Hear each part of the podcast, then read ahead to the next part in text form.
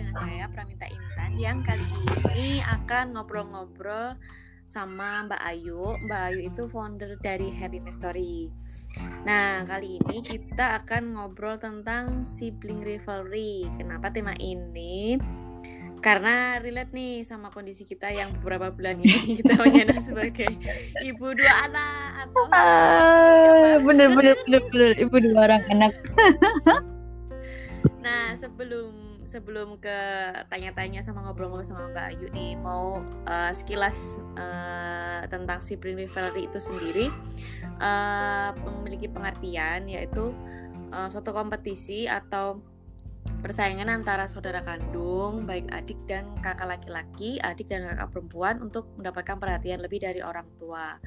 Nah, Mbak Ayu dalam dunia parenting ini ternyata ini topnya top list iya, top list yang pembahasan uh, uh, uh, yang sering banget dialami orang tua yang memiliki dua anak ya atau lebih gitu.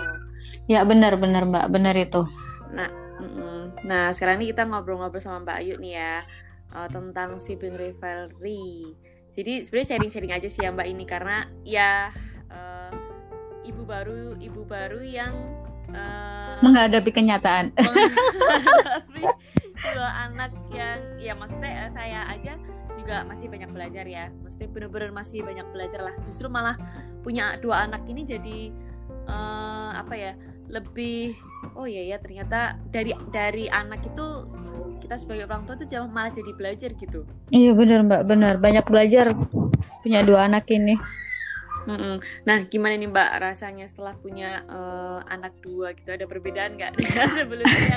Cuma ngurus anak, cuma ngurus kakaknya aja gitu. Perbedaannya, wow sekali. ya pasti ya kalau perbedaannya pasti terasa banget ya. Karena kalau anak pertama itu kan kita hanya fokus sama satu anak. Nah ini anak kedua ini kan kita hmm harus terbagi ya eh, apa namanya perhatian kita ke anak pertama dan maupun ke anak kedua. Dan pasti banyak apa ya eh, pengalaman-pengalaman yang luar biasa sekali. Meskipun saya juga baru juga ya mempunyai seorang baby belum lama juga lah menghadapi sibling rivaling ini.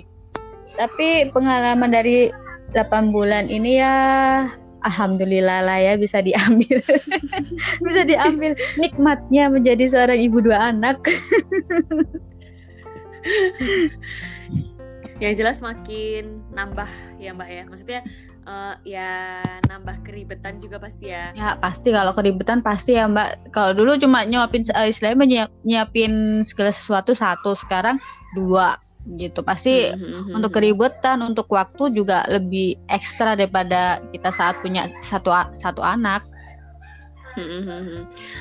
iya sih bahkan uh, sedikit cerita nih ya mbak ya di lingkungan teman-teman saya itu kebanyakan uh, masih uh, maksudnya cuman memiliki satu anak gitu loh. Mm-hmm. Nah, bisa dibilang yang punya anak dua itu masih beberapa lah gitu. Nah, yang baru ini kan saya nih. Jadi oh. banyak yang tanya gitu, mm-hmm. repot gak? Gimana? Repot gak? Aduh, pegadangan ya. Habis itu gimana lagi gitu. Terus jadi pengen sih, tapi pasti repot ya gitu-gitu. Jadi uh, uh, apa namanya permasalahannya pasti di situ gitu loh. Mm-hmm. kalau punya dua anak nanti gimana ya gitu kebayang sih gitu. Pasti repot banget ya gitu. Tapi uh, ya itu tadi ya mbak perbedaannya tuh pasti uh, jelas terlihat terasa dan terlihat ya. Maksudnya yang dulu cuma ngurusin kakak terus sekarang harus ngurusin, ngurusin dua, dua anak. Hmm, apalagi kalau putrinya Mbak Ayu kan udah makan ya udah ya udah ya, gitu ya Mbak ya. Sekarang mau ke 9 bulan. Yang yang kecil hmm, besar hmm, hmm, empat setengah, jalan kelima. Hmm, itu yang padahal empati itu kan juga benar-benar membutuhkan Wah. ini juga ya Mbak. Dan anakku dari awal yang bayi ini dari awal aku biasain untuk empati aku buat sendiri ya. Uh, jadi kemarin aku coba untuk kasih empati tapi yang apa namanya dari pro, apa dari prominatis instan gitu loh mbak itu dia nggak mau jadi hmm. hmm. belum maunya yang, dibu yang dibuat gitu ya iya yang dibuat sama handmade itu jadi bener-bener sekarang ya hmm. energinya juga harus ekstra juga nyiapin empasinya itu kalau kakaknya dulu kan uh, saya buat tapi nggak terlalu setel apa nggak terlalu banget seperti adik uh, uh, uh, uh. Masih instan gitu masih masih mau. Kalau si adiknya ini bilang tahu ya. Oh, dia rasanya udah beda. Mana yang apa namanya mana masakannya maknya sama masakan pabrik. Iya iya. Wah. Saya besok gimana ya? Atau dipikirin mbak dijalanin? Iya iya kalau dulu sih kakaknya sama sih oke oke aja sih. Maksudnya kalau pergi-pergi gitu kan biar nggak ya, benar benar. pakai yang instan uh, mm. cuma nggak tahu nih yang adiknya. Mm. oke oke nah nih mbak uh, tanya yang kedua nih. Ngalamin nggak sih mbak uh, masuk ke topik nih ya? Hmm? ngalamin nggak uh, sibling rival misalnya kayak uh, rebutan mainan terus misalnya kayak adiknya misalnya ngambil mainannya terus jangan nggak boleh gitu. Punya kakak gitu. Ngalamin gitu nggak mbak? Ngalamin. Baru-baru ini sih adiknya udah mulai aktif dan dia adiknya udah tahu ber, udah tahu kakaknya lagi apa dia apa namanya pokoknya apa yang dipegang kakak dia pengen ambil. Itu udah udah mulai. Mm-hmm. dan kakak pun juga udah mulai adek jangan udah mulai ya udah mulai terjadi kericuan-kericuan dikit lah antara adik dan kakak itu mm-hmm. udah udah mulai terjadi tapi baru baru beberapa bulan ya karena kan mungkin si adiknya juga baru bisa apa namanya ngerebut mainannya kan baru-baru ini ya mm-hmm. tapi sudah terlihat dari sibling rivalnya antara mereka berdua sudah terlihat kalau kakak uh, dari adik lahir pun sudah terlihat karena kalau adiknya hmm. di foto adiknya ini dia harus harus. Gitu. Kalau ada yang video harus juga. kalau ada video call adiknya sampai sekarang pun harus dia harus dia di ini dulu harus dia juga diajak gitu. Jadi kadang gitu uh, video call sama eyangnya di Surabaya itu kadang dia muncul dulu nggak mau ada nggak usah ngeliat hmm. aku aja kayak gitu. Hmm. kayaknya ini emang udah udah terlihat dari apa dari adiknya bayi sudah memang terlihat untuk sibling rivalnya sudah terlihatan gitu jadi uh, pengen diperhatikannya juga gitu ya maksudnya nggak cuma adik gitu aku juga ya gitu benar-benar ya. lebih gitu lebih perhatiannya lebih kayak gitu tapi kalau rebutan mainannya mungkin masih masih belum seberapa karena si adiknya pun kan masih belum bisa berebut yang benar-benar mm-hmm. gitu. jadi kalau seandainya ada yang ngerebut aku, aku bilang udah kakak pindah dulu adik apa namanya pindah tempat biar nggak di ninade kayak gitu mm-hmm. Iya ya, nanti kalau kebayang sih kalau udah ya udah setahun dua tahun gitu. Aduh, gak tahu lagi aku nggak nggak nggak mau bayangin ter, ter ini aja menjalani dengan. iya iya, benar benar. Saya dibayangin ter jadi stres sendiri mm -mm. kita bayangin iya iya tahun gimana nih kalau udah pindah berpindah ah aku jalanin aja lah sekarang yang sekarang ntar sambil jalan kan pasti bisa ini bisa tahu celahnya antara mereka nanti berebut apa uh, antara kakak adik kan pasti nanti terlihat polanya ya terlihat kita bisa melihat mm -hmm. kita nanti bakalan pasti bisa kayak gitu. Iya iya. Nah ini uh, nyambung ke yang tadi nih Mbak, misalnya uh, ada terjadi sedikit kericuhan gitu, itu gimana nih Mbak Ayu uh, cara mengatasinya? Kalau saya dari apa dari adiknya belum lahir itu saya sudah ke si kakak bahwa ntar sudah saya jelasin itu posisinya adik itu seperti apa. Terus nanti adik lahir itu pasti lebih butuh saya. Istilahnya waktunya itu kan karena adik butuh hmm. kalau untuk yang deket-deket ini pun saya juga jelasin. Sekarang kakak apa namanya saya suruh mengalah. Tapi nanti kalau adik udah bisa dia pasti gini kok aku kok kok aku yang disuruh apa namanya adik kok nggak adik kayak apa namanya uh, kakak makan sendiri. Adik adik nggak makan sendiri adik apa namanya disuapin. Kan ada masih kecil masih belum ini. Terus nanti kalau ada se seumuran Farah ada juga ini. Iya pasti diajari jadi harus menjelaskan bahwa hmm. uh, posisinya adik sekarang ini ada belum bisa ngapa-ngapain. Gigi aja belum tumbuh hmm. berdiri aja belum bisa. Kayak gitu. Jadi saya menjelaskan bahwa posisinya adikmu sekarang ini memang harus terus sama ibu. Dari makan dari minum dari dari apa namanya main itu harus sama ibu. Nanti kalau adik sudah sedikit mulai agak besar ntar ibu juga ajarin makan sendiri. Nanti adik sekakak ibu juga ajarin makan sendiri mandi sendiri ke kamar apa namanya apa apa sendiri untuk belajar mandiri kayak gitu. Jadi lebih saya menjelaskan bahwa kondisi saat ini itu kakak harus mengalah karena si adik ini posisinya masih membutuhkan uh, ibu 24 jam gitu loh. Kalau kakak kan udah bisa udah udah ada udah bisa berdiri, udah istilahnya kakak udah udah bisa ngerti gitu loh. Kakak udah bisa ambil minum sendiri kayak gitu. Tapi itu saya jelasin berulang-ulang karena kalau setiap kejadian itu pasti dia menanyakan seperti itu juga. Jadi mm -hmm. emang, emang harus terus-terus ini ke si kakaknya sih menjelaskan.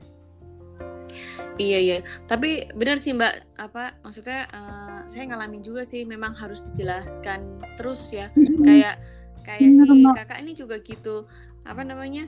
Uh, kok Dedek uh, apa namanya? Uh, apa sih ya? Uh, ini apa namanya kan mandi dimandiin gitu kok dede mandi dimandiin iya, gitu bener, mbak. kan kakak dulu juga gitu gitu kan iya, semuanya nah, iya. bayi dulu uh, gitu terus uh, bener, terus bener. dia jadi kayak mm, papa gitu juga dulu gitu. Mama gitu eh mbak. Jadi eh saya setiap, karena usia setiap adegan gitu. Selalu ada ini. Mungkin karena usia anak kita hampir sama ya jadi pertanyaannya sama kali ya.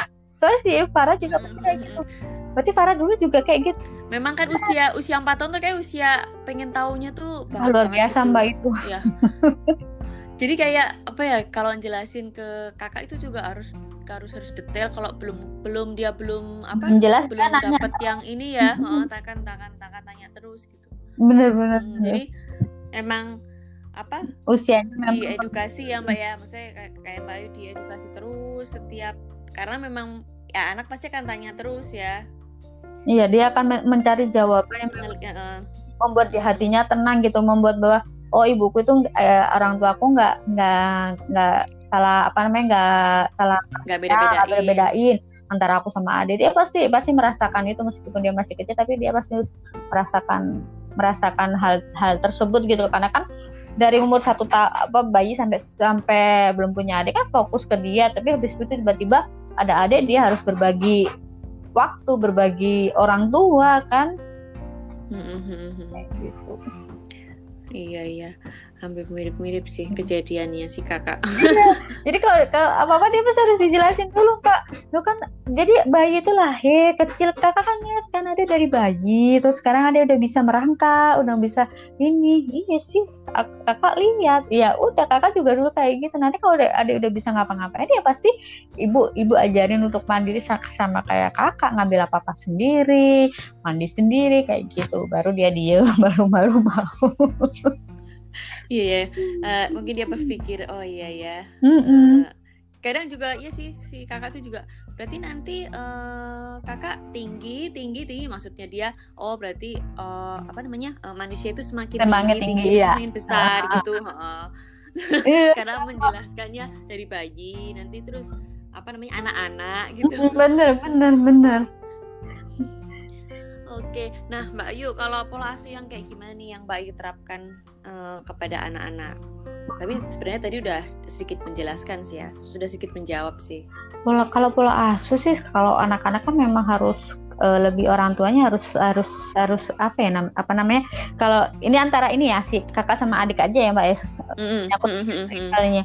Jadi saya memang uh, ya itu tadi dari dari dia dari dia mm-hmm. adiknya dari kandungan saya jelasin ini ada adik apa namanya kakak harus menyayangi adik meskipun adik ya, ada adik ayah sama ibu tetap apa namanya tetap menyayangi kakak tetap tetap apa namanya tetap ada buat kakak kayak gitu jadi dari lahir dari bayi pun dia sudah sudah merasakan harus menyayangi harus saling menyayangi mm-hmm. antara adik sama kakak kayak gitu. Terus untuk ya kalau untuk apa namanya sih uh, apa ya namanya kalau untuk masalah apa sih value-nya itu untuk untuk misalnya rebutan itu ya terkadang itu tadi saya menjelaskan bahwa adik belum bisa adik itu belum mengerti apa-apa kak. Jadi kakak yang harus uh, misalnya adik mereb, adik tadi ngerebut kan ya berarti kakak minggir dulu pindah ambil mainannya ke dede pelan pelan pelan kakak pindah.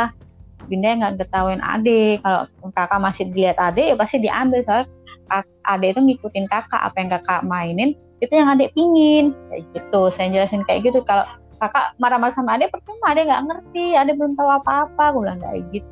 Apa saya bilang kayak gitu ke hmm, hmm, hmm, si Farahnya terus akhirnya dia ya udah pindah kayak gitu. Cuma kadang-kadang itu yang suka bikin agak emosi itu kalau adiknya mau tidur dia dia ganggu. Ah, saya iya, ganggu. iya. saya apa apa kayak gitu. Terus ya ini sih saya kalau untuk pola asuhnya memang harus sering lebih untuk saat ini ya untuk untuk fase saya yang saat ini saya lebih sering menjelaskan kepada kakak eh, bagaimana si adik ini kondisinya saat ini. Karena saya belum bisa menjelaskan kondisi sekarang ke adik kan berarti kan otomatis saya harus harus menangani si kakak ini dulu agar tidak mm-hmm. agar tidak menimbulkan kebencian ke adik kan saya kira-kira kamu ada apa gara-gara ada ada uh, apa namanya perhatian ibu sama ayah kurang yeah. kan kita harus merangkul si kakaknya dulu agar dia paham bahwa bagaimana mm-hmm. dia uh, sebagai seorang kakak ke adik dan paham bahwa oh adikku saat ini masih kecil kayak gitu.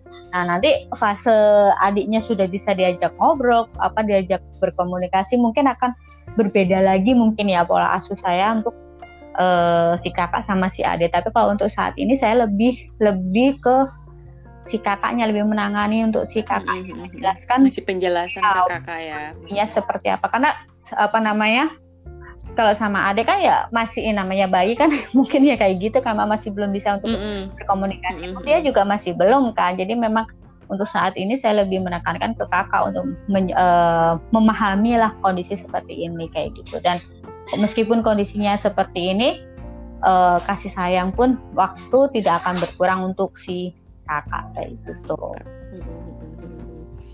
Iya ya, dengan kayak gitu sih insya Allah ini ya, masa kakak tuh uh, ngerti gitu, oh berarti nggak ada yang berubah nih gitu dari, ya, dari sebelum ada adik gitu. Uh, kadang juga saya mikirnya gitu gitu. Oh kalau biasanya saya tuh sampai kadang kalau misalnya udah nyayang nyayang adiknya gitu, terus langsung saya itin ke kakaknya. Gitu, iya benar mbak. Terus kayak kayak apa ya?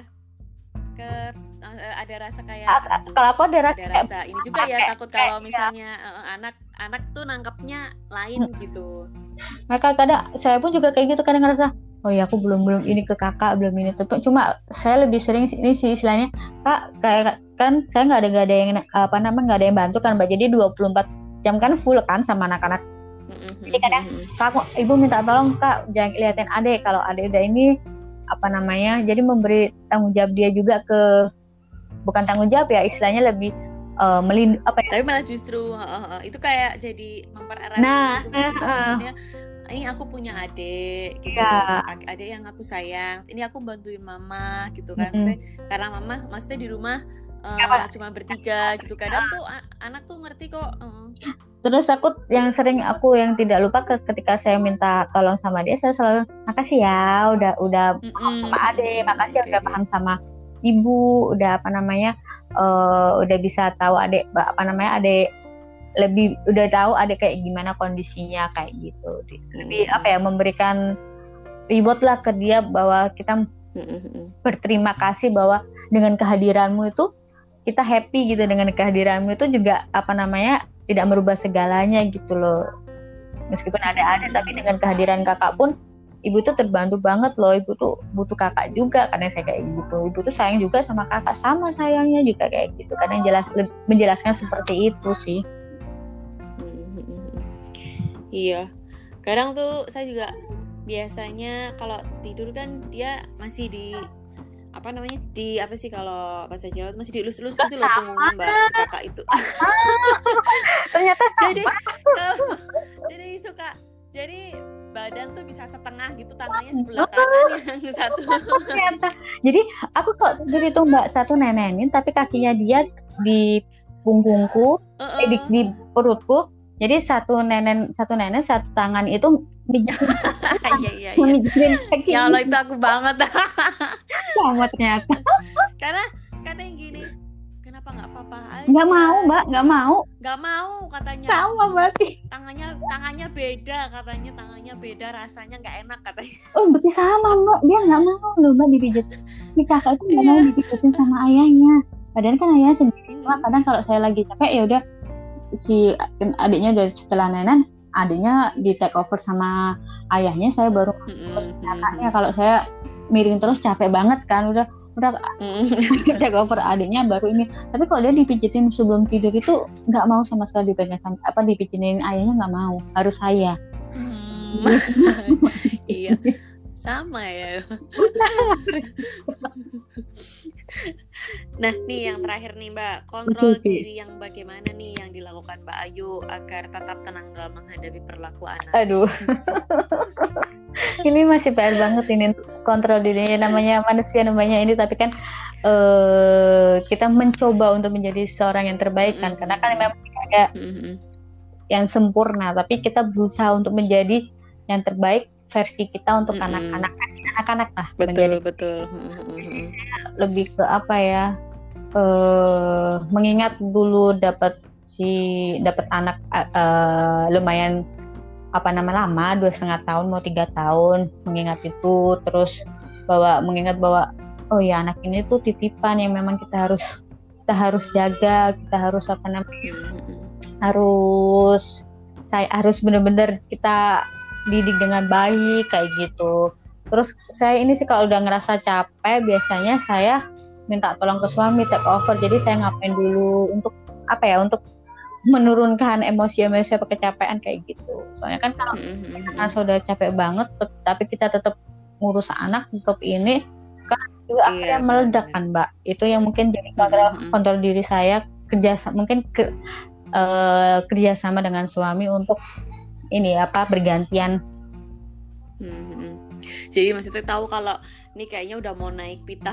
iya biasanya kak saya Tolong, kayak tolong. gitu udah nih ya aku udah capek ya tolong bantu bentar Ntar, apa namanya kalau udah ini baru aku take over lagi kayak gitu apalagi yang kecil kan masih belum masih full banget ya jadi kan sama ayahnya pun juga masih belum ini kalau kak, si kakak sama ayah kan masih masih bisa lah main bareng ini gitu jadi kalau Mhm. menurut diriku ya lebih itu tadi sih mbak eh, bekerja sama dengan suami karena memang kan peran suami juga eh, peran ayah bagi anak perempuan kan juga luar biasa kan Mhm. Jadi emang kalau udah eh, dirasa kayak wah ini kayaknya udah oh udah mulai over nih. Jadi eh, maksudnya meminta bantuan eh, ayah gitu ya maksudnya untuk untuk ngehandle dulu gitu daripada nanti kalau dipaksa handle malah jadinya malah marahin si anak gitu ya. Mm-mm. Maksudnya spontan, Spontan. jadinya eh, ngebentak gitu. Iya bener mbak ngebon ngebentak juga so kalau udah ngebentak itu kasihan si kakaknya so kan pasti apa-apa kan ke lebih ke kakaknya kan kalau ngebentak gitu Heeh. Ngerasa bersalah kayak- kayak gitu kalau udah Heeh. kelepasan itu Jadi- akhirnya ya Allah.